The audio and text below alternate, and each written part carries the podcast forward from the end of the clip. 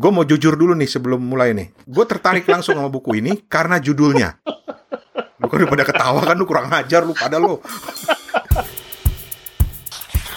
Gue mau disclaimer ya, bukan gue yang menentukan judul ini. Jadi ketika Rani bilang, eh kita ada kerjasama dengan Gramedia Digital, oh ya? Terus judul bukunya apa? Terserah kita boleh milih. Terus dia bilang, kita Black Swan aja. Oh silahkan sekali, gue bilang kayak gitu. Misalnya gini, Black Swan lu itu adalah lu kecelakaan gitu kan. Kan lu nggak bisa memprediksi kapan lu kecelakaan gitu. Tapi lu bisa prediksi ketika, ketika lu naik motor ya lu pakai helm lah yang aku tangkap ya dari buku ini tuh kalau boleh disimpulkan dalam dua kata tuh ini Erling lan waspada. Was, oh, sedap. Sedap deh. Kenapa? Kenapa, Van? Karena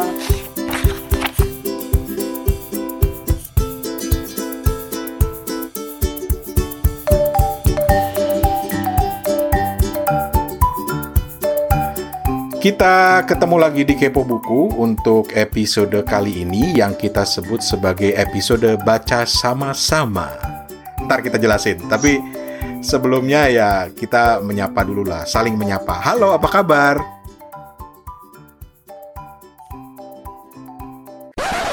Lu gitu lu, gue udah nyapa, lu gak bales. Lu nyapa siapa? Lu nyapa pendengar apa nyapa gue? Oh iya.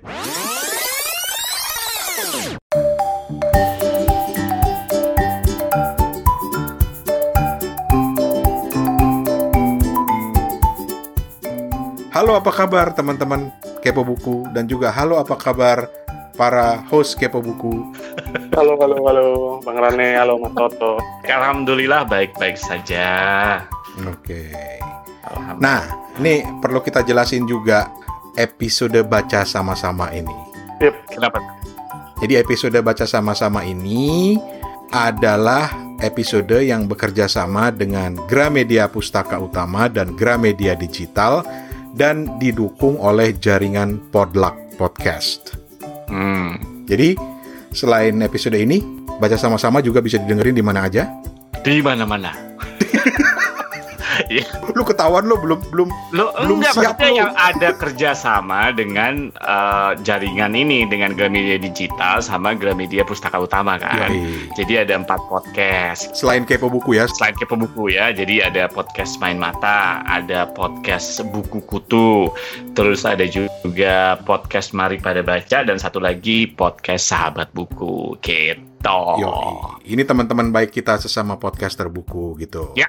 Kami semua mau berbagi rekomendasi buku terbitan Gramedia Pustaka Utama, pilihan kita masing-masing dan mudah banget dibeli, cukup download aplikasi Gramedia Digital di Google Play Store atau di App Store dan beli e-booknya di aplikasi Gramedia Digital. Yoi. Betul. Apalagi buat Toto sama gue nih yang jauh. Iya, terutama ya untuk dapetin buku-buku terbitan Indonesia. Yoi. Jadi memang kita didukung oleh Gramedia dan juga eh, Gramedia Digital dan Gramedia Pustaka Utama. Tapi kita juga dikasih kebebasan oleh teman-teman di Gramedia untuk milih buku apa aja yang ada di uh, Gramedia Digital itu. Hmm. Nah, ada dua buku nanti yang udah kita pilih. Salah satunya kita bahas kali ini dan ini bukunya keren banget dengar-dengar Toto malah udah hatam tiga kali ini bacanya nih. Lo kata apa? Udah tiga kali. Buku ini judulnya adalah The Black Swan, rahasia terjadinya peristiwa-peristiwa langka yang tak terduga oleh Nasim Nicholas Taleb. Hmm. Udah baca kan lu, Udah, udah baca. Hmm, kalau edisi Gramedia ini yang diterjemahkan ini edisi yang 2007 dan diperbarui di 2010. Jadi sekali lagi The Black Swan rahasia terjadinya peristiwa-peristiwa langka yang tak terduga oleh Nasim Nicholas Taleb. Gue mau jujur dulu nih sebelum mulai nih. Hmm, ya, ya. Gue tertarik langsung sama buku ini karena judulnya. Lu kan udah ketawa kan lu kurang ajar lu pada lu. uh, gue mau disclaimer ya. Disclaimernya adalah bukan gue yang menentukan judul ini. Jadi ketika Rani bilang, eh kita ada kerjasama dengan Gramedia Digital, oh ya? Terus judul bukunya apa? Gue bilang gitu kan. Uh, di, terserah kita boleh milih. Terus dia bilang kita Black Swan aja. Oh silahkan sekali. Gue bilang kayak gitu. Lalu baca Black Swan gue seneng banget gitu kan. Bukan gue yang menjurumuskan kenapa dia memilih Black Swan. Bener, gue kepincut sama judulnya. lo lo lo jangan mikir, lo jangan mikir Black Swan ini Black Swan yang ada hubungannya dengan the movie itu ya? Enggak, enggak. Enggak ya, oke. Okay. Justru ada kata kedua itu yang bikin gue tertarik. Apa tuh? Rahasia terjadinya peristiwa-peristiwa langka yang tak terduga. Jujur itu yang menarik perhatian gue pertama. Karena apa? Gue merasa kita ada di suatu situasi sekarang yang nggak pernah kebayang akan terjadi sebelumnya kan dengan pandemi ini kan. Betul. Walaupun ternyata menurut si Nasim Nicholas Taleb ini bukan Black Swan loh. Bukan. Pandemi COVID-19 ini bukan Black Swan loh. Bukan, sama sekali bukan. Gitu. Jadi setelah tertarik sama judulnya, baru kemudian gue baca ke dalam, ke dalam, ke dalam, dalam, terus gue WhatsApp Toto dong.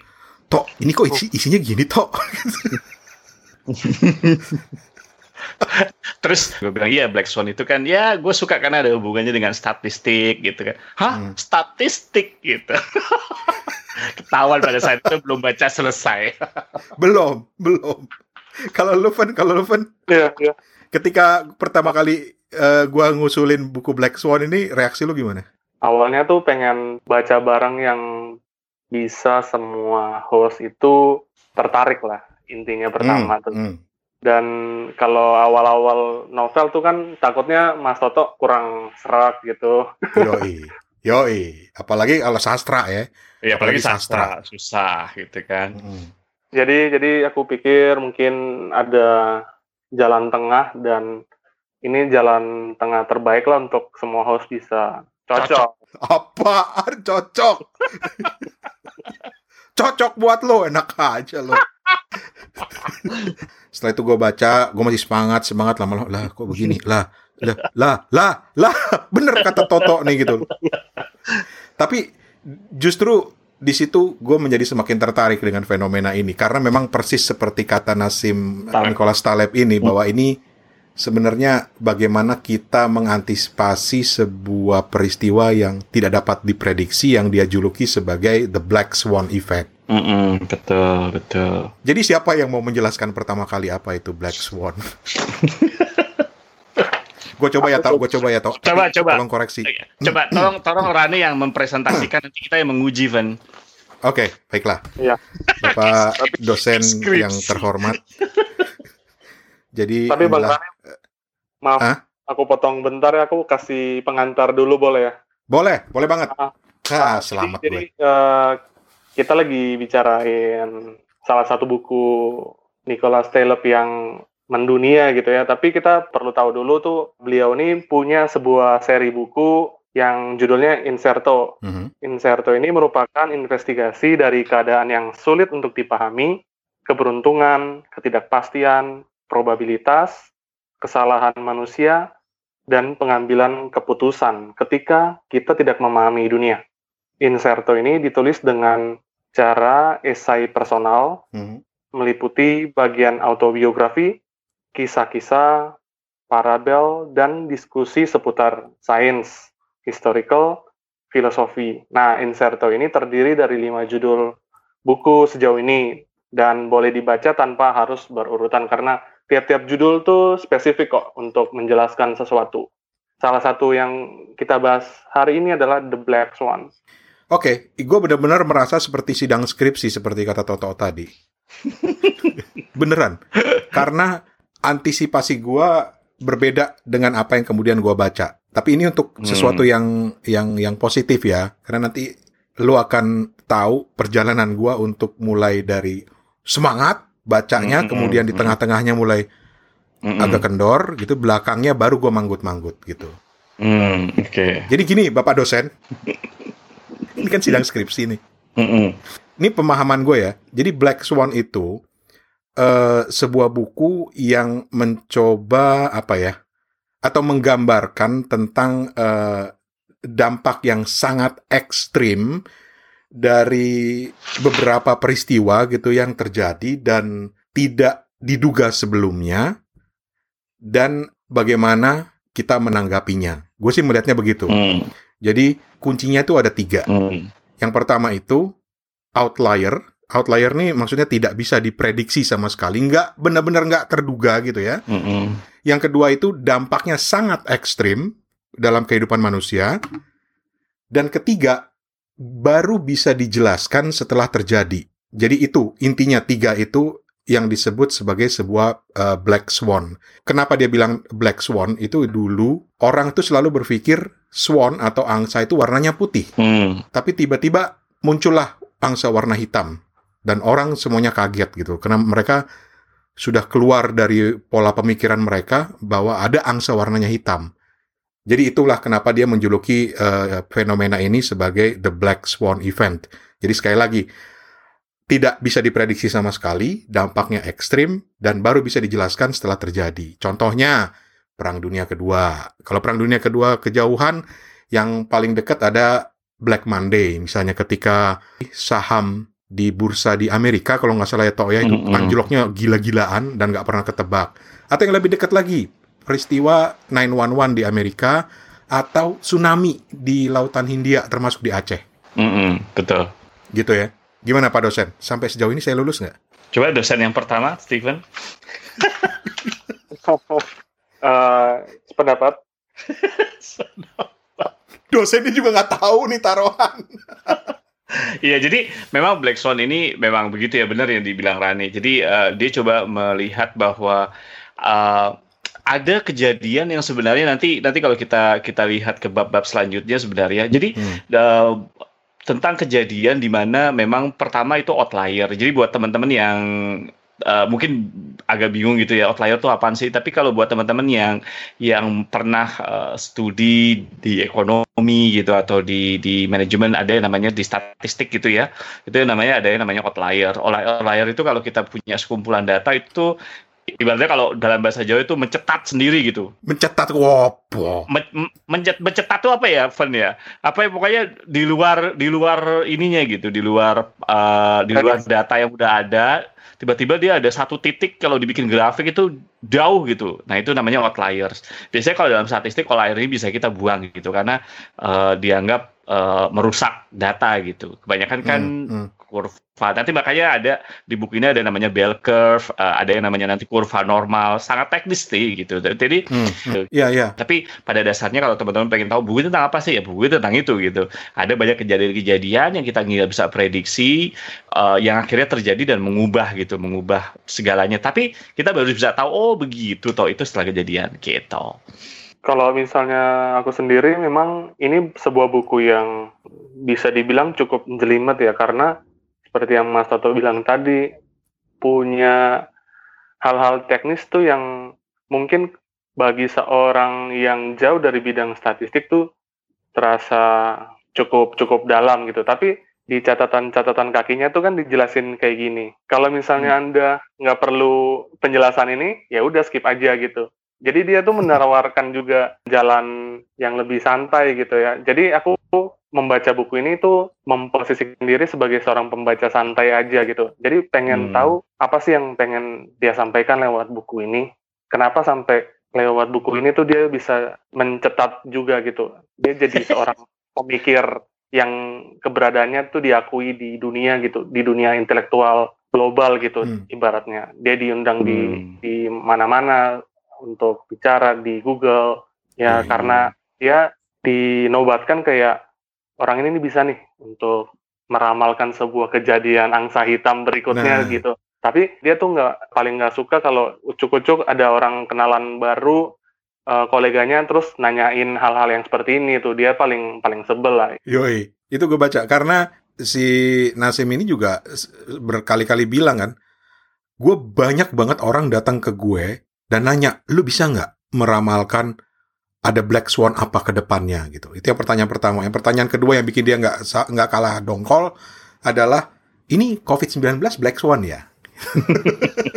Ntar kita bahas kenapa menurut si Nasim ini bukan dan kenapa Mm-mm. dia bilang ini bukan buku ramalan cuy gitu. Karena jujur aja gua yang pertama kali membaca sampai ke paling nggak seperempat pertama Mm-mm. itu merasa bahwa sampai nanti ke dalam ke, lebih ke dalamnya gue akan lebih menemukan lagi nih ramalan-ramalannya dan gue bisa tahu nih ada black swan apa berikutnya gitu. Tapi kenapa ternyata enggak toh? ya memang bukan buku ramalan. Nah ya itu dia. Manusia itu selalu gue dah, gue nggak mau mewakili manusia yang lain. Gue tuh selalu pengen tahu nih ada rahasia apa ke depannya kejutan-kejutan apa lagi dalam hidup gue. Makanya gue tertarik sama buku ini. Ah, tapi kalau gini, kenapa ini bukan buku ramalan? Kalau ini buku ramalan hmm. atau buku bagaimana memprediksi, itu contradicting sama apa yang dia bilang sendiri.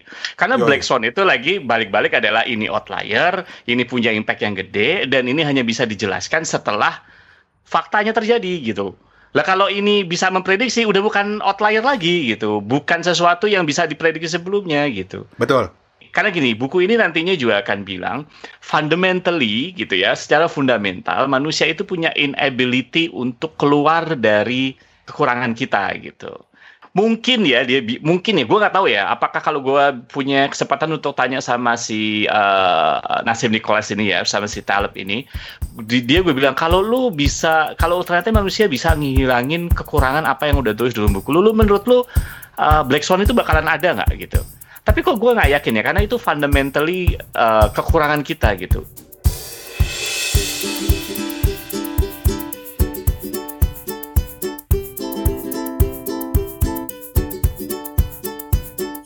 Mungkin kita balik lagi ke bukunya. Buku ini pada dasarnya kan ada beberapa bagian gitu kan ya.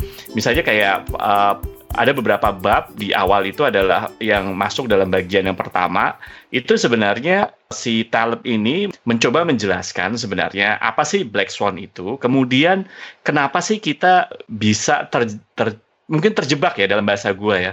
Terjebak terhadap yang namanya black swan ini gitu. Salah satunya adalah yang yang gue menarik adalah ketika dia menjelaskan tentang masalah siapa yang punya yang gue lupa uh, mungkin gue buka dulu ya yang yang punya library yang banyak itu eh, bukunya banyak terus banyak orang bertanya dari dari berapa buku ini berapa yang udah lo baca? Gitu kan? Oh oh oh oh iya iya iya iya. Umberto. Umberto Eco.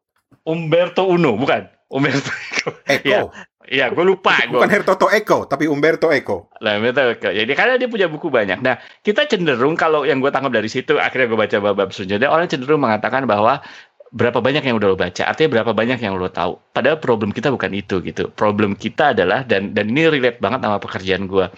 Sebenarnya problem kita itu adalah we do not know what we do not know. We don't know what we don't know gitu. Jadi kalau dalam kerjaan gue misalnya gitu ya, karena gue IT gitu ya saat ini ya gitu kan. Hmm. Dalam bikin project kita selalu bikin resiko apa gitu kan. Mungkin lu juga di bidang pekerjaan lu ada kita selalu bikin risk. Risk itu adalah sesuatu yang lo tahu. Ya. Gitu kan. Sesuatu yang lo tahu. Contoh misalnya risk terhadap kalau kita ngomong tsunami ya. Hmm. Risk kalau lu tidak, lu tahu bahwa lu tidak tahu, lu masih bisa memitigasi. Misalnya, lu tidak tahu seberapa besar tsunami itu akan datang tapi ya. lu lu ada lu tahu bahwa ada resiko tsunami. Apa yang lu buat? Lu mungkin buat benteng gitu kan ya. Lu mungkin hmm. buat uh, apa namanya? Uh, semua resiko dimitigasi gitu kan. Kalau lu tahu apa yang lu tahu, is okay gitu. Semua bisa diprediksi, semua bisa ini. Hmm. Nah, yang kita bahaya itu adalah kenapa dia contohin yang library itu, kita cenderung mengatakan uh, berapa buku yang udah banyak lo baca. Tapi sebenarnya berapa buku sebenarnya yang lo baca, itu yang kita nggak tahu gitu. Itu yang kita nggak tahu. Dari seberapa banyak buku yang lo baca itu, berapa pengetahuan yang lo nggak tahu. Itu yang lebih bahaya. Karena apa? Kalau lo nggak tahu, itu bahayanya gitu. Dan Black Swan itu berhubungan dengan itu sebenarnya gitu. Lu nggak tahu apa yang lu nggak tahu gitu. Itu justru lebih bahaya gitu. Kalau lu tahu apa yang lu nggak tahu masih lebih mending gitu. Seperti tadi contohnya misalnya tsunami gitu ya. Lu nggak tahu hmm. seberapa besar ombaknya yang bakal tinggi. Akhirnya lu bikin aja tembok yang tinggi, uh, batasan yang sekuat-kuatnya minimal kita gitu kan. Minimal kita nggak tahu. Tapi hmm. kalau kita pun nggak hmm. tahu bahwa ada bakal ada suana tsunami misalnya kayak gitu. Kita nggak tahu nih laut ini potensi tsunami apa enggak gitu. Kita nggak tahu kita even nggak bakal kepikiran ada tsunami gitu misalnya kayak gitu ya akhirnya kejadian seperti itu jadi di, kita tuh punya inability gitu kalau di di di di bab yang pertama itu gampang banget ya kalau gua summary gitu di bab pertama itu adalah ada yang namanya bahasa Indonesia-nya apa ya dia terjemahannya sih tetap uh, triplet of opacity gitu jadi kita tuh ada yang pertama itu kita punya ilusi untuk mengetahui sesuatu jadi um, setiap orang tuh seakan-akan tahu apa yang terjadi di dunia ini gitu kan ya. Hmm, Padahal hmm, hmm. pada dasarnya dunia ini lebih complicated dari mereka pikir gitu. Terus kemudian uh, ada yang namanya distorsi. Kita hanya bisa mengakses sesuatu berdasarkan fakta yang udah terjadi. Yep. Gitu kan. Kalau belum kita juga nggak bisa memprediksi. Kemudian ada yang namanya uh, bahasa Indonesia tetap pakai platoni platonifikasi ya kalau nggak salah ya.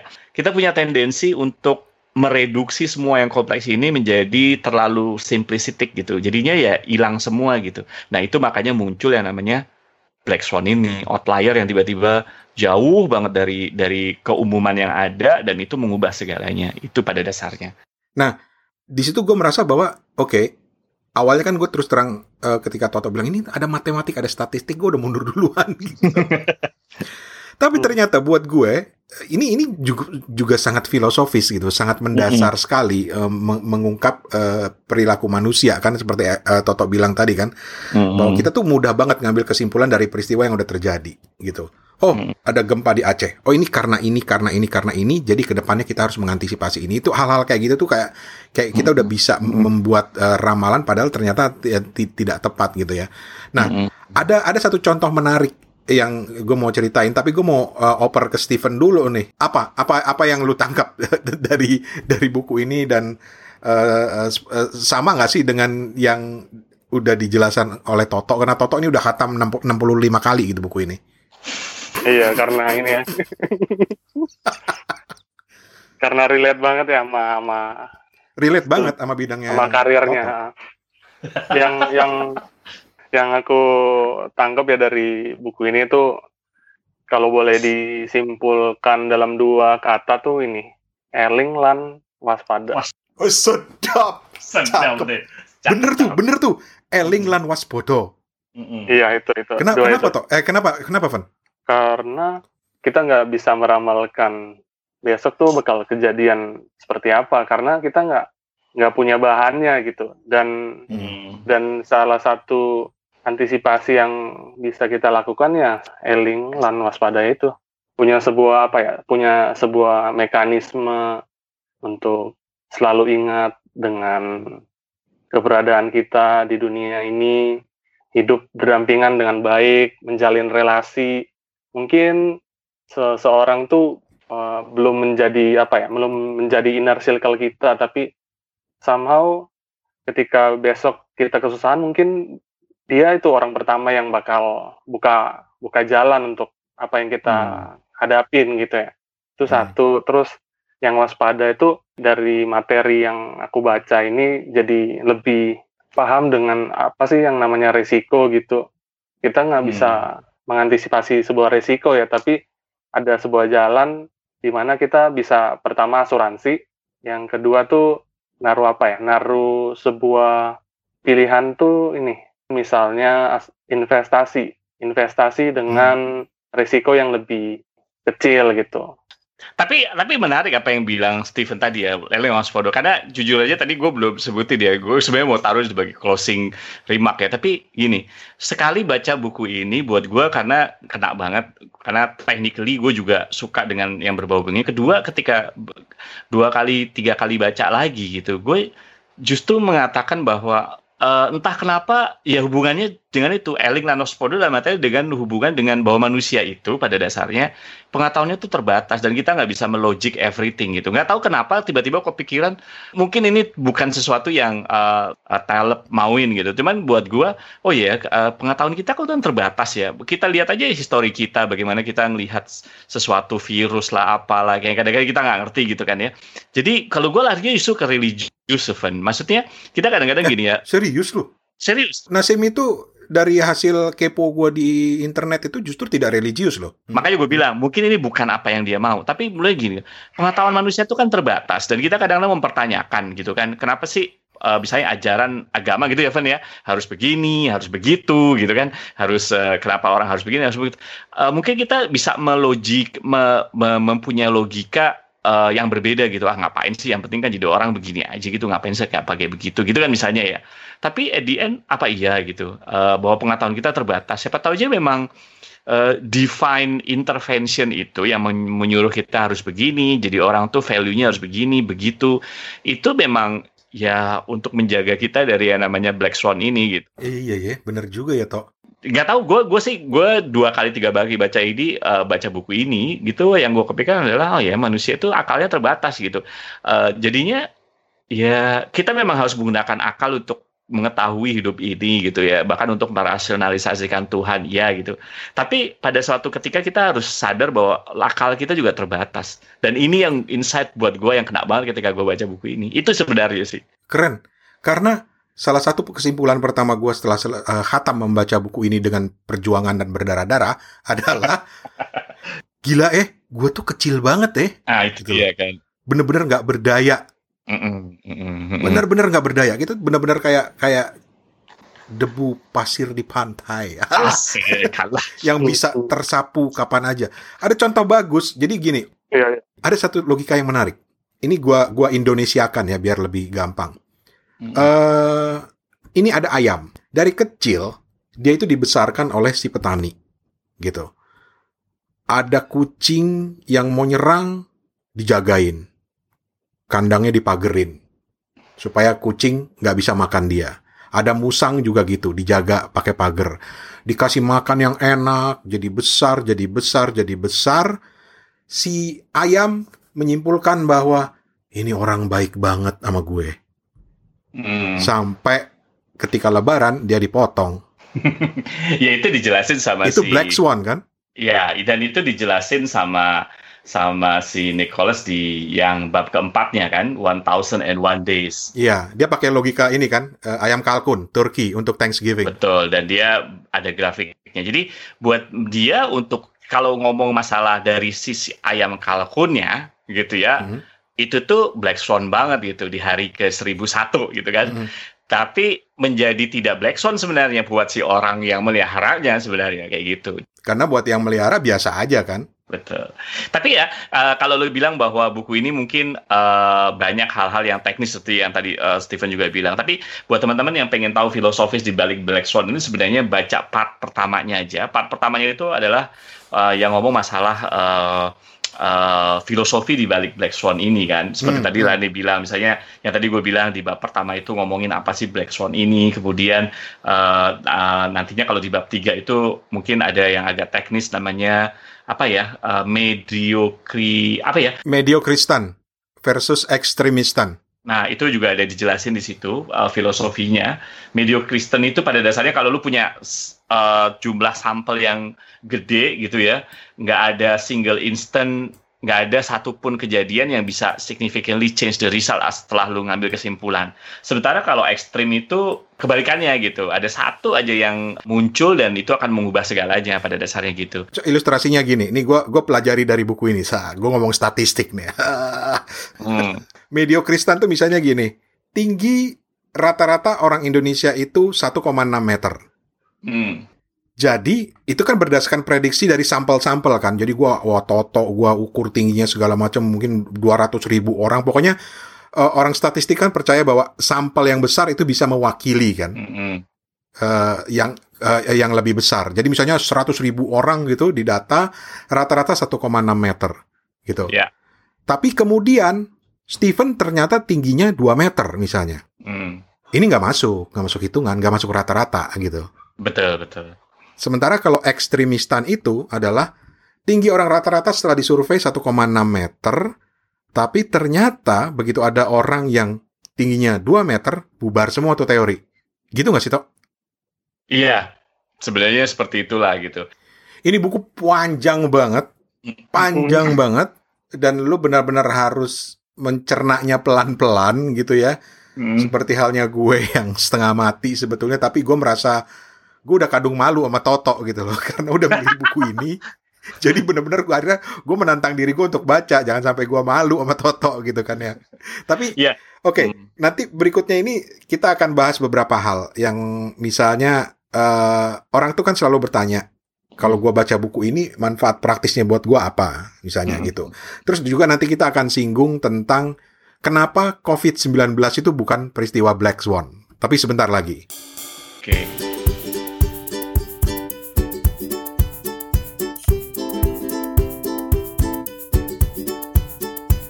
Oh ya, Terima kasih buat teman-teman yang udah mendukung Kepo Buku di Karya Karsa. Kita udah gajian loh bulan ini. Yoi, Oh, udah gajinya. Oke, wih. bulan ini kita pecah celengan cuy. Iya. Dan nanti hasil celengannya buat apa, ditunggu aja. Ya, Yang jelas bukan buat kita kok, buat teman-teman Hmm, juga. Iya. Jadi buat teman-teman juga. jadi ditunggu aja. Kalau mau ikut ngisi celengan kita supaya bulan depan kita bisa pecah celengan karena ada batasan kan untuk bisa dipecah celengannya kan. Iya, betul, betul. Kalau ada yang mau ikut ngisi celengan kita ke mana Van? Di karyakarsa.com garis miring Kepo Buku. karyakarsa.com garis miring kepo buku. Iya. Hmm. Oke, baiklah.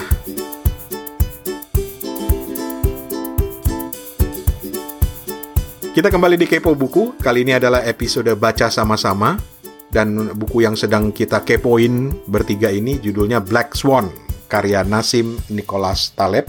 Eh, lengkapnya adalah The Black Swan. Itu belum lengkap, masih ada lanjutannya. Rahasia terjadinya peristiwa-peristiwa langka yang tak terduga. Atau kalau dalam versi bahasa Inggrisnya, The Black Swans, uh, The Impact of the Highly Improbable. Kalau gue baca versi Inggrisnya duluan, judulnya gue nggak tertarik. Begitu gue baca versi Indonesianya, gue tertarik. Oh gitu ya. Hmm. Karena dalam bahasa Indonesia itu lebih menggoda loh. Hmm. Rahasia terjadinya peristiwa-peristiwa langka yang tak terduga. Kalau lo sendiri, Van, gimana, Van? Iya, iya, iya. Aku aku ingin ngupas dari penerjemah buku terjemahannya ya, Bang ya, Hmm, hmm. Mas Toto. Menurut Hmm, aku nih Alex Tri Kancono Widodo ini berhasil dalam eh, menerjemahkan apa yang dimaui dari si penulis gitu. Aku kira terjemahannya tuh cukup mumpuni untuk bikin kita pembaca awam, pembaca yang amatir ya, Hmm. untuk tahu jalan pikiran beliau gitu. Oke. Terus yang aku lihat lagi di buku ini tuh bagaimana Nasim Taleb ini di 2007 tuh udah nunjukin ke kita apa yang namanya bias konfirmasi, apa yang namanya eh, nggak perlu deh untuk terlalu silau dengan naratif gitu. Makanya dia tulis di bab tersendiri yang judulnya kesalahan naratif gitu untuk Hmm. melihat kita tuh sebenarnya terlalu terpengaruh ya dari narasi-narasi orang gitu makanya kita juga nggak terlalu bisa memahami yang namanya sebuah peristiwa Black Swan itu dan aku kira dari 2007 2010 dibuat edisi revisinya ketika kita baca di 2020 satu dekade di depan tuh masih masih cukup relevan untuk memahami bagaimana itu dunia bekerja. Ya. Aku kira ini bacaan-bacaan yang layak untuk dicoba lah seawam pun seseorang. Bener. Contohnya Rane ini, Rane ini. Balik lagi. Hmm. Yang benar-benar pusing, tapi akhirnya jadi tertarik banget gitu ya, terpesona banget dengan pemikirannya. Salah satu yang bikin gua tertarik tuh, Tok ya. Hmm. Ada bagian di bab itu yang bicara tentang tunneling. Ya, betul. Tunneling itu maksudnya adalah Mhm. kita manusia itu suka fokus pada apa yang kita tahu aja dan mengacuhkan yang kita nggak tahu. Kita nggak peduli sama yang kita nggak tahu gitu. Hmm. Eh, masalahnya kemudian adalah apa yang kita tahu itu dan yang kemudian yang lain kita acuhin itu kemudian kita anggap sebagai fakta Betul. tanpa mempertimbangkan yang satu lagi ini yang kita nggak tahu. Jadi misalnya ada suatu peristiwa lain yang kita nggak tahu ya udahlah kita yang yang kita tahu aja. Tapi ternyata akibatnya karena semuanya itu harus di, di- dipertimbangkan jadi satu gitu loh. Ini ini penafsiran gue seperti itu. Makanya selama gue baca buku ini di otak gue tuh selalu mikir gini, ini apa nih? Buat gue manfaatnya apa nih? Buat gue manfaatnya apa? Itu yang pertama. Yang kedua, gue jangan sampai malu sama Toto nih. Jangan sampai gue malu sama Toto. Suruh? Serius, karena gue udah kadung sombong gue bilang ini keren nih buku nih. Tiba-tiba begitu gue baca, mampus gue. Tapi oke, Eh, di bagian terakhir-terakhir ini, eh, ya kalau teman-teman mau, kalau lu memang ada waktu dan benar-benar tertarik dengan hal-hal seperti ini, eh, lu harus baca karena pada akhirnya nanti lu akan memetik sesuatu. Gue tertarik loh dengan Toto ketika Toto bilang tadi dia bisa belokkan ke arah arah yang lebih religius. Eh, Stephen kemudian bisa menyimpulkan sebagai manusia itu harus selalu eling lan waspodo gitu ya. Hmm. Itu menarik gitu. Itu itu buat gue sampai bisa sampai pada kesimpulan itu dari buku ini juga menarik karena Nasim Nicholas Taleb itu eh, sering disebut sebagai seorang ateis. Dia percaya pada ilmu pengetahuan. Hmm. Dan yang menarik adalah dia itu selain dia ilmuwan, peneliti gitu ya, filosofer, dia itu 20 tahun jadi pialang saham, cuy. Jadi jadi sebenarnya kalau kenapa uh, si Nicholas Taleb ini um, mengarang buku ini itu sebenarnya karena memang backgroundnya dia gitu. Background dia dia kan uh, punya punya background MBA, kemudian juga akhirnya dia punya PhD kan. Uh, Hmm, hmm. Tapi memang sebelum sebelum dia akhirnya uh, terjun ke arah yang lebih apa namanya akademik gitu kali ya mungkin dan mengarang buku ini memang dia itu uh, bahkan dia nggak cuma sekedar pialang saham, dia itu memang uh, salah seorang yang bekerja dalam bidang uh, risk, dalam bidang risiko dan kuan juga. Kuan itu artinya apa ya? Kuan, Kuan. Q U A N. Uh, jadi orang yang memang menggunakan ilmu matematika gitu ya. Buat teman-teman mungkin kalau yang pernah tahu yang namanya ilmu yang namanya financial engineering gitu ya. Hmm. Um, itu ada jurusannya sekarang ada master financial engineering. Jadi orang yang menggunakan rumus-rumus matematika untuk memprediksi, untuk yaitu seorang kuan itu artinya seorang yang menggunakan yang yang memang jago matematik gitu ya untuk Hmm. uh, uh, berinvestasi, untuk ngitungin resiko, untuk ngitungin uh, faktor-faktor prediksi. Nah, makanya dia bisa ngarang ini karena memang backgroundnya seperti itu gitu. Makanya dia uh, he's very fluently explaining this gitu karena memang dia ya ya memang bidangnya itu gitu kan ya. Hmm. Jadi uh, ya backgroundnya mathematician akhirnya orang yang punya punya kadar keilmuan yang tinggi makanya dia bilang kayak uh, bisa ngarang buku tentang ini gitu. Itu juga dia dari kecil kalau gue baca ya dia memang sudah suka dengan filosofi. Jadi memang buku ini uh, part pertamanya itu adalah bab-bab pertama yang yang yang masuk dalam part one itu adalah filosofi di balik Swan ini kan. Hmm. Kemudian kalau lo tadi tanya sebenarnya apa sih yang bisa lo tarik dari ini? Sebenarnya kalau lo narik buku ini sebagai buku yang praktikal, sebenarnya banyak pembaca pun yang akhirnya apa sih praktisnya gue baca buku ini gitu kan? Hmm, hmm, hmm. Iya, iya, iya. iya. Contohnya yang dia bisa kalau lu mau mau baca lagi itu ada di bab yang 13 gitu. Apa sih yang kalau lu nggak bisa memprediksi gitu ya? Kalau kalau dalam buku bahasa Indonesia apa terjemahannya ke dalam bab 13 tuh? Bentar gue baca dulu ya, ketutup soalnya. Yoi. Bentar ya. Bab 13. Eh, Apelles sang pelukis atau apa yang Anda perbuat jika tidak bisa meramal? Ya, plus sang pelukis atau apa yang nggak bisa Anda, apa yang bisa Anda perbuat kalau Anda nggak bisa meramal kan gitu kan ya. Hmm. Jadi salah satu yang dia yang dia bilang adalah ya lu harus siap dengan segala eh, kalau dia dalam bahasa bahasa Indonesia ini ngomongnya kontingensi positif dan kontingensi negatif. Contohnya adalah kalau lu dalam berinvestasi. Kita tuh kadang-kadang investasi ada risikonya yang rendah, mid- medium sama yang tinggi gitu ya. Hmm.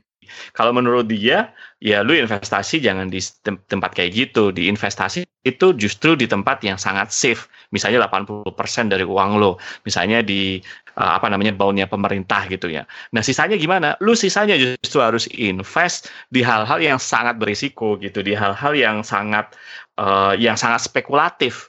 Karena apa? Spekulatif itu yang bakal mungkin muncul black swan-nya gitu. Jadinya jadinya dia bilang gua tuh gak bisa mem jadi dengan kata lain gini ini bukan buku ramalan sekali lagi kan ya gue juga sih gue juga nggak bisa memprediksi apa black swan-nya. Ya udah kita sama-sama nggak bisa prediksi kalau kita nggak bisa memprediksi ya jangan dilihat dari possibility-nya atau plausibility-nya apakah itu mungkin terjadi atau enggak. Dilihat dari kecenderungan atau dampak yang bisa ditimbulkan gitu. Kalau di investasi dampak yang bisa ditimbulkan adalah benar-benar jatuh atau benar-benar naik. Ya udah kalau gitu uang lo itu seharusnya ditaruh di bidang yang yang safe. Udah udah pasti hampir pasti safe. Dan dan sebagian kecil lo investasikan mungkin di bidang-bidang yang spekulasinya tinggi gitu. Karena spekulasi tinggi itu yang bakal mungkin punya black black swan juga. Walaupun bukan dengan negatif dan positifnya gitu kan ya. Hmm, tapi ya begitu gitu jadinya.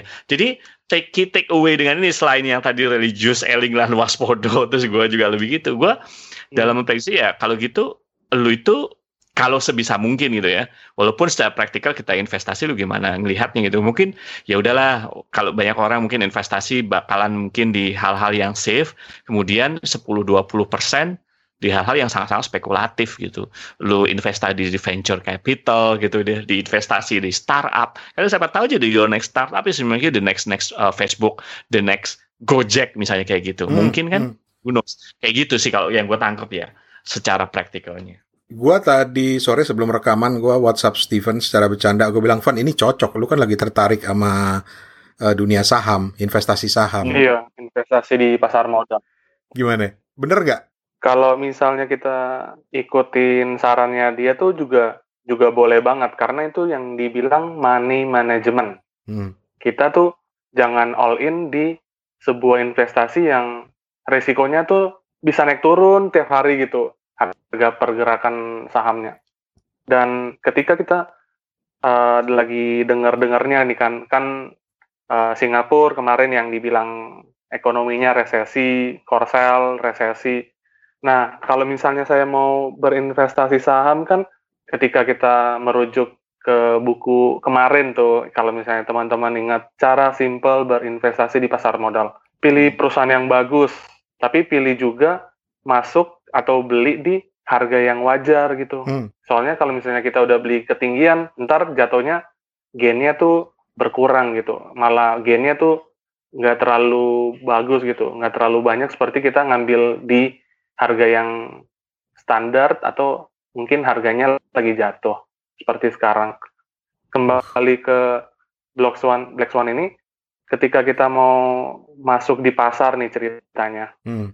kita dengar resesi, kan kita berharap kalau resesi ini berarti mungkin saja ya um, pasar saham di Indonesia tuh kembali anjlok gitu karena hmm. kondisi ekonomi kita yang tidak memuaskan seperti di tahun sebelumnya. Mungkin karena bisnisnya nggak jalan banyak pertumbuhan ekonominya tuh malah mandek malah minus. Nah kita nunggu nungguin tuh bakal bisa dapet harga saham yang kita pengen dengan harga yang lebih murah dengan yang kita mau gitu. Tapi kita baca lagi si Black Swan ini eh, nggak ada orang yang tahu besok tuh bakal jatuh uh, pasar saham kita nih ceritanya. Hmm, hmm, hmm. Jadi yang aku bisa ambil kesimpulan dari obrolan kita ini, kita nggak bisa memprediksi besok tuh laju pertumbuhan ekonominya tuh resesi, lalu pasar sahamnya jeblok, dan kita bisa ambil kesempatan. Hmm. Kita nggak nggak bisa nggak bisa ambil kesempatan kok sebenarnya. Kita kita nggak bisa meramal seperti itu. Jadi ya udah investasi aja yang teratur gitu. Oke. Okay justru dari ceritanya Steven tadi gue teringat kata-katanya Toto tadi hmm. uh, key takeaway yang paling uh, gue dapat dari bukunya Nasim Nicholas Taleb uh, yang Black Swan ini adalah gue ketemu kata-katanya dari Toto tadi memitigasi sebetulnya jadi kita nggak bisa 100% uh, menghindari masalah tapi kita bisa mengontrol gimana supaya kalau muncul peristiwa yang tidak terduga minimal kita bisa mengontrol, uh, meminimalisir dampaknya. Kalau dari sisi saham tadi kan Steven udah jelasin kan. Uh, dan kayaknya Steven udah khatam nih bukunya Pak Juliardi ini. Tapi satu hal lagi yang juga buat gua nggak kalah penting adalah daripada kita sibuk mikirin, aduh besok ada kejadian apa lagi ya, besok ada gempa apa atau besok ada penyakit apa gitu lebih baik kita bersiap hmm. diri dengan segala kemungkinan sehingga kita bisa meminimalisir resikonya. Itu sih kita takeaway dari gue, gitu loh. Karena peristiwa COVID sekarang ini benar-benar bikin gue mikir kan, ya Allah kita ada di Black Swan -hmm. lagi nih. -hmm. Tapi ternyata bukan Black mm. Swan. Kenapa bukan Black Swan? Toh. Kalau yang gue tangkep dari uh, Nicholas uh, Sinasim Taleb ini ya, dia bilang enggak ini enggak. Ini this is white swan kata dia gitu. Karena sebenarnya bisa diprediksi. Maksudnya pandemiknya mungkin enggak ya gitu. Tapi uh, di Januari itu kita udah tahu sebenarnya kata dia gitu kan. Uh, kita bisa prepare kita bisa lock. Tapi kan uh, pemerintah nggak melakukan itu gitu. Hmm. karena mungkin alasan ekonomi kata dia gitu kan. Mungkin alasan yang lain-lain. Political mungkin gitu. Gua nggak tahu apakah dia ngomong politik atau tidak. Tapi pada dasarnya bisa. Cuman dan sekarang akhirnya pemerintah tidak mengeluarkan uh, uang yang sedikit waktu itu dan sekarang mereka terpaksa harus mengeluarkan sesuatu yang banyak. Makanya dia nggak setuju kalau ini dibilang black swan gitu. Karena bisa bisa dicegah gitu. Black swan itu bukan sesuatu yang nggak bisa dicegah sama sekali sebenarnya gitu. Cuman pada saat itu ada uh, apakah lu melakukan tindakan preventif apa enggak? Makanya dia nggak setuju kali ini Black. Kalau Black Swan kan ya tiba-tiba aja jeder gitu kan gitu kan. Uh, jadinya ini pada kalau ini enggak gitu. Dan people ada orang kebanyakan melak, bilang kalau COVID-19 itu Black Swan sebenarnya enggak. Pada saat itu terjadi kan semuanya masih bisa dikontrol. Kalau yeah. kalau yang gue yang gue tangkap dari dia begitu. Dan lu aja telat gitu. Dulu lu cuman ngeluarin cuman beberapa uh, juta dolar. Sekarang bertriliun dolar juta uh, lu akan keluarin untuk untuk me mengatasi ini kan betul, gitu. Betul. Apalagi betul. Uh, WHO dan banyak lembaga kesehatan termasuk Bill Gates.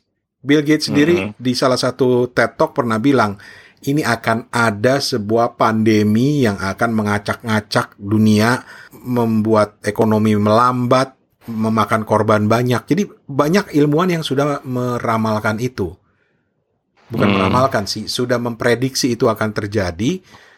Hmm. Tapi kita tidak pernah mau mendengarnya sehingga itulah kenapa Nasim bilang ini bukan Black Swan. Kalau Black Swan tuh langsung kejadian, cuy. Kejadian, kejadian dan udah sulit gitu diapa-apain lagi kan, gitu kan tiba-tiba aja gitu. Ini enggak, kita punya waktu untuk itu.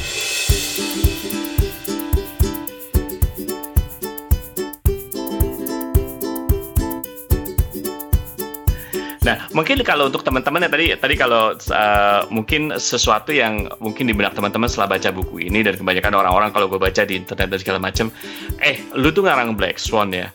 Tapi terus lu tuh uh, sekali lagi uh, membuat kita menjadi gimana ya? Lu nggak memprediksi, nggak bisa memprediksi sesuatu.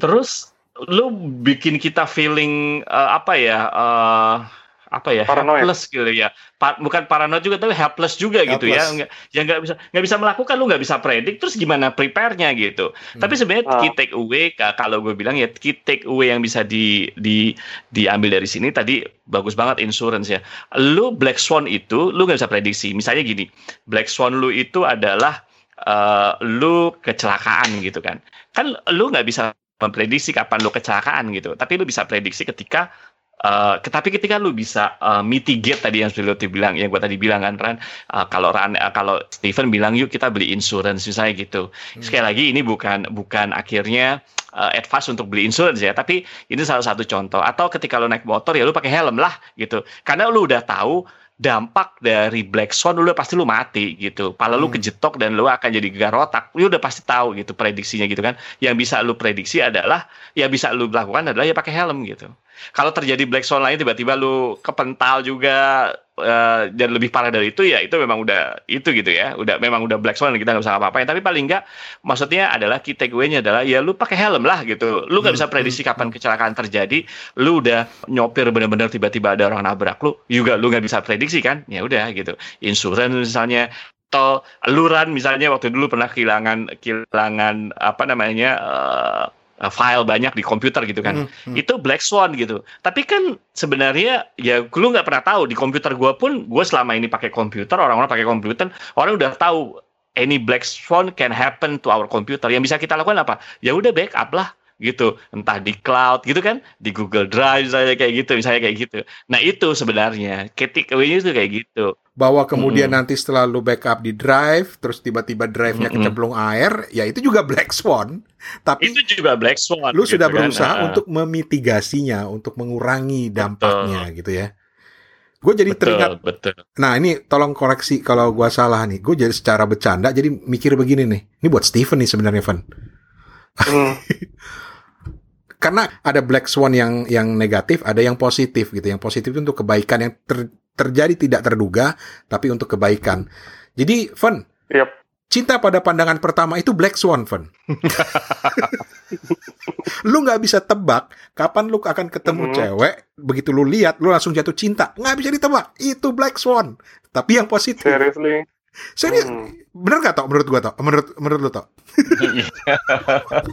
uh, bisa kita jadi bisa, sih. Kita nggak bisa tebak. Kan? Menurut gua, uh, menurut gua jodoh itu adalah ya uh, black swan yang positif gitu ya. Iya, yang positif. Yang jadi positif. Uh, ini bahkan bukan soal jodoh. Gua malah menariknya lebih jauh. Love at first sight, kapan lu akan tahu bahwa lu bisa ngelihat seseorang dan lu langsung jatuh cinta? Itu black swan. Hmm. Tetapi cara memitigasinya adalah banyaklah bergaul. iya nggak sih? Ini koleksi gue koreksi Iya, kalau iya, gue iya. salah ya. Tapi lu harus Ah. banyak kenal dengan cewek. Gimana lu mau merasakan love at first sight kalau lu nggak banyak kenal dengan eh, wanita-wanita di luar sana? Asik. Iya nggak sih? iya iya gitu. Tapi gue gak tahu apakah konsepnya jadi akan sama apa enggak ya. Iya, Dulu iya, juga iya, pernah iya. ada yang bilang, uh, ada orang yang bilang keberuntungan tuh apa sih gitu. Keberuntungan Uh, itu uh. pada dasarnya adalah ketika ketika kesiapan bertemu dengan kesempatan gitu. Kesiapan bertemu dengan kesempatan, cakep. Ah, karena kesempatan itu itu black swan gitu. Tapi kesiapan bukan. Kesempatan itu artinya gini, ketika lu pengen eh, dapat beasiswa gitu, beasiswa eh, atau pengen diterima di di apa namanya perusahaan yang besar ketika pengen kerja atau pengen apa pun itu lalu pengen dapat project apa. Kan itu black swan menurut gua. Mungkin ya, mungkin ya kalau dalam konsep ini ya. Black swan-nya artinya apa? Lu gak bisa pronto lu tiba-tiba ada, tiba-tiba ada orang nawarin beasiswa gitu misalnya kayak gitu atau tiba-tiba yang tadi love of the first sight gitu kan. Tiba-tiba ada cewek kok tiba-tiba ini gitu. Tapi yang bisa lu lakukan apa?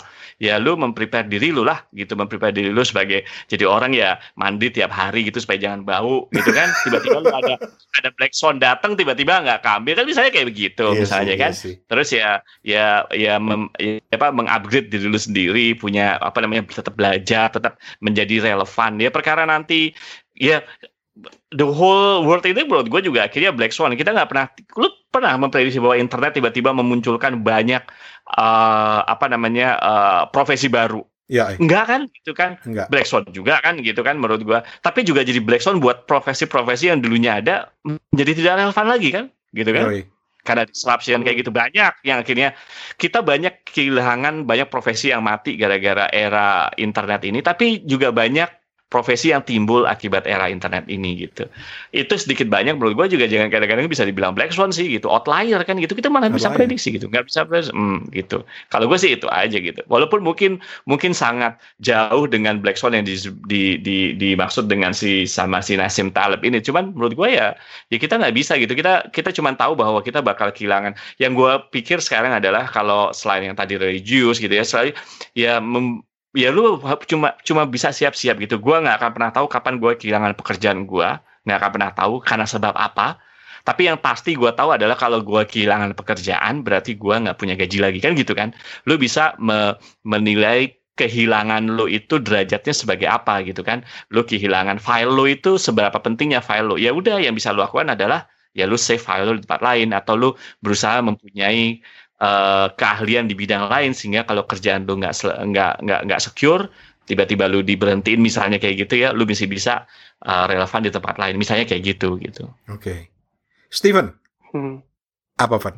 dia, dia jadi masih mikir eh, love at the first sight ya eh tapi tapi ini nggak kenapa Iya. gue tapi tiba-tiba tiba-tiba ingat itu karena salah satu upaya gue untuk memahami buku ini kan gue banyak riset kan ya di internet ya googling segala macam terus ada yang Hmm. orang bilang gini eh dia cerita tentang personal black swan dia oke istri dia itu katanya personal black swan dia karena kalau Kenapa di, dilihat dari tiga unsur black swan ya sekali lagi ya tidak bisa diprediksi Hmm. dampaknya ekstrim bisa dijelaskan setelah terjadi. Jadi dia cerita bagaimana misalnya out of the blue gitu ya, bahkan dia nggak ada Hmm. niat untuk pergi gaul, dia ketemu sama si cewek ini di jalan, terus dia jatuh cinta.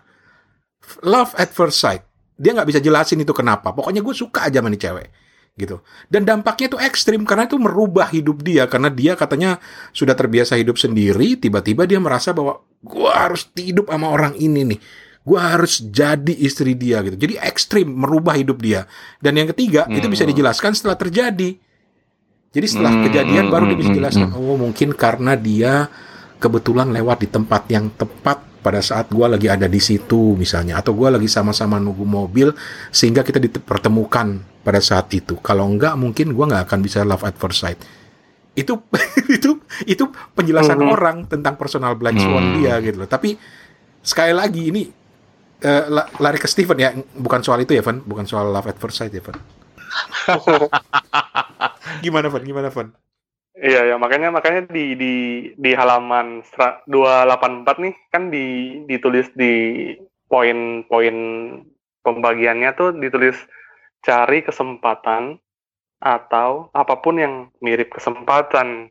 Jadi benar-benar kayak apa ya? em, beruntung lah kalau misalnya teman-teman uh, punya punya karir, punya apa ya, punya lingkungan yang misalnya nih, misalnya tuh uh, bisa ketemu orang paling kaya deh di se, se Indonesia gitu hmm. ceritanya, ataupun bisa ketemu papasan sama Michael Hartono misalnya yang punya jarum tuh. Nah kan kan uh, yang di yang dikasih ke kita untuk uh, mencoba-coba gitu kan ya itu cari kesempatan atau apa pun yang mirip kesempatan. Jadi besok lu keluar rumah tiba-tiba Michael Hartono lagi lari-lari di depan rumah lo gitu kan di Uber anjing.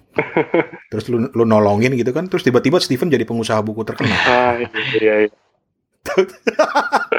Tapi ini mengingatkan gue pada hobi kita. Kita. Hobi gue lah, gue nggak mewakili orang lain. Gue tuh punya kebiasaan hmm. gini toh. Uh, kalau lagi bokeh hmm. banget nih toh, bener-bener lagi bokeh mm -hmm. gitu ya inget banget gue dulu waktu kuliah gitu lagi bokeh ketimbang misalnya gue berusaha minimal minjem uang gitu gue cuma mikir gini coba gue dapat lotre ya siapa tahu besok gue dapat lotre gitu. Undian berhadiah. Karena undian berhadiah itu buat gue itu black swan gitu. Nah oke okay, banyak orang yang yang punya hobi kebiasaan begini yaitu berharap sorry kalau ini istilah nggak tepat ya berharap mujizat gitu loh. Mm, mm. Black Swan itu kan sebenarnya bisa kalau mujizat itu kan sebenarnya bisa dibilang Black Swan kan karena tidak pernah terduga sebelumnya kan. Berharap keajaiban gitu ya. Ah, ah berharap keajaiban. Alih-alih lu berusaha memitigasi, bersiap-siap kalau keajaiban terjadi atau untuk kebaikan atau keburukan, alih-alih itu lu malah mikirnya gini, aduh mudah-mudahan gue besok dapat lotre. Atau mudah-mudahan besok ada keajaiban pada diri gue. Atau kalau orang yang lebih berpikir agak-agak uh, apa ya agak-agak negatif bukan agak tapi sangat negatif udah hidup ini udah nggak ada artinya. Kapan gue ketabrak truk gitu? Mungkin mungkin seperti itu gitu. Itu kan mengharapkan black one black swan yang yang tidak mungkin kan? Bukan black swan karena ya Uh, iya, bukan kalau itu sih. Gila lo, Nasim Nicholas Taleb bakal bangga nih sama kita nih, Tok. Kenapa emang ya? Kita bisa menyimpulkan dari pepatah Jawa, lari ke oh. religius, lari ke cinta. hmm. Tapi kalau dipikir ya, kalau dipikir uh, personal Black Swan gue itu justru gue dapat kerjaan gue di IT itu adalah Black Swan gue. Karena lu bukan orang IT kan? Karena gue bukan orang IT karena gue orang accounting gitu. Dan dan ketika ditawarin gue mau belajar di accounting mau nggak gitu. Ayo mau mau mau kerja di bagian accounting gue bilang gue sebenarnya nggak suka accounting. Ya udah lu di IT aja gitu. Dan black itu menurut gue kalau dipikir-pikir soalnya berarti ini black swan gue ya gitu. Karena eh, at the end juga gue suka kerjaan ini gitu. Dan dan ya akhirnya nganterin gue uh, kerja kemudian juga pindah ke luar negeri gitu. Bisa jalan-jalan gitu kan. Hmm. bisa jadi apa namanya uh, biaya dinas apa Abidin. Uh, turis, Abidin. turis Abidin gitu kan. Ya gara-gara itu. Kalau menurut gue kalau dipikir-pikir ya ini Black Swan gue sih kalau secara personal gitu. ya kita nggak tahu ya podcast ini uh, apakah akan jadi Black Swan kita apa enggak kita nggak tahu. Ya, tahu. Hanya bisa dijelaskan, hanya bisa dijelaskan kalau nanti udah kejadian gitu. Iya. Tapi kita hanya hmm. bisa berusaha untuk rajin-rajin podcasting misalnya. Betul, rajin-rajin uh, rekaman misalnya iya, kayak gitu. Misalnya. Kita nggak tahu bahwa nanti akan seperti apa Black Swan atau jadinya? nggak tahu. Hmm, apakah cukup gini-gini aja kita juga nggak tahu gitu kan? Ya. itu dia. Kita cuma bisa bersiap-siap betul. Itu. Betul. Yep. kalau personal hmm. Black Swan gua radio. Oh radio. Oke okay, oke. Okay. kenapa? Gua memang belajar ilmu komunikasi tapi gua nggak pernah tertarik pada dunia radio. Gua belajar ilmu komunikasi untuk ngajar untuk jadi ilmuwan. Hmm. oh iya? Oke okay, oke. Okay. sampai pada suatu hari karena gua butuh uang gue ditawarin untuk kerja di radio, itu pun gue bilang gue nggak mau jadi penyiar, gue mau jadi penulis aja. Jadilah gue penulis. Terus hmm. kemudian tiba-tiba uh, Lebaran Haji, gue inget banget, gue tetap masuk karena orang tua gue tinggal jauh dari orang tua gitu ya. Tiba-tiba penyiarnya nggak datang dan gue cuma satu-satunya orang yang ada di situ. Hmm. Jadilah gue siaran. Makanya gue bilang itu Black Swan gue karena dia merubah okay. hidup gue secara nega uh, positif ya kalau negatif juga banyak lah black black swan dalam hidup kita sekarang gue mau tembak ke Steven black one personal black swan lu apa Van apa ya tapi kalau misalnya dipikir-pikir uh. kuliah di Jogja tuh Black Swan personal gue memang. Kenapa? Um, pertama tuh udah udah udah keterima kan di salah satu universitas di Surabaya gitu Hmm. beritanya. Hmm. Udah sampai bela-belain Hmm. Teh. di luar kota untuk untuk masuk di sana. Keluarga juga nggak pernah punya histori untuk lanjut kuliah jauh-jauh juga Hmm, hmm. dan khususnya di kota Hmm. Jogja dan tiba-tiba tuh ada kesempatan aja gitu untuk pergi pergi mencoba tes ke sana dan dan selanjutnya ya bisa kenalan sama dunia buku, pergi ke radio buku yang memunculkan ide untuk kenapa enggak ya coba untuk bercuap-cuap untuk kasih tahu tuh Cuap, buku ini tuh cuap. bagus gitu ke orang lain. Hmm. Iya. Itu dari tadi yang kita sharing positif Black Swan ya. Mm-mm. Sebenarnya ada negatif Black Swan pasti semua orang juga banyak.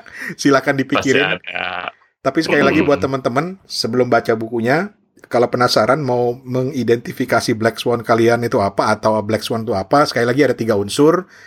Yang pertama itu nggak bisa diprediksi sama sekali, pokoknya kejadian aja. Kedua, Mm. dampaknya luar biasa ekstrim, Hmm. bener-bener ekstrim. Entah itu merubah hidup lu atau merubah hidup dunia segala macam. Yang ketiga, baru bisa dijelaskan setelah itu terjadi. Iya betul. Kalau yang ketiga ini gue selalu bilang gini, oh ini mungkin kenapa manusia suka sekali dengan hikmah. Kenapa tuh? Pokoknya ambil hikmahnya gitu. Ambil hikmahnya. Oh, Oh, iya. kalau saya nggak begini, mungkin saya begini. Atau, oh untung Hmm. saya begini. Gitu. Eh, Nggak tahu lah, mungkin ini lah. Ini kan nggak ada di bukunya Pak Nasim nih. ya wes. Betul betul.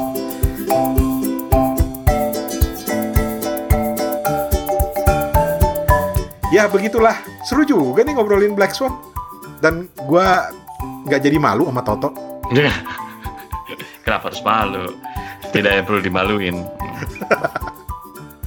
Anyway, sekali lagi mau ngingetin kawan-kawan bahwa eh, buku Black Swan dan buku-buku lain ini eh, bisa dibaca di Gramedia Digital. Jadi eh, episode baca sama-sama ini kita bikin bekerja sama dengan Gramedia Pustaka Utama dan Gramedia Digital dan didukung oleh jaringan Podluck Podcast. Jadi lo bisa dengerin episode ini di mana aja, Pen? Selain di Kepo Buku, Pen? Di podcast Main Mata, di podcast Buku Kutu, Mari Pada Baca, dan Sahabat Buku.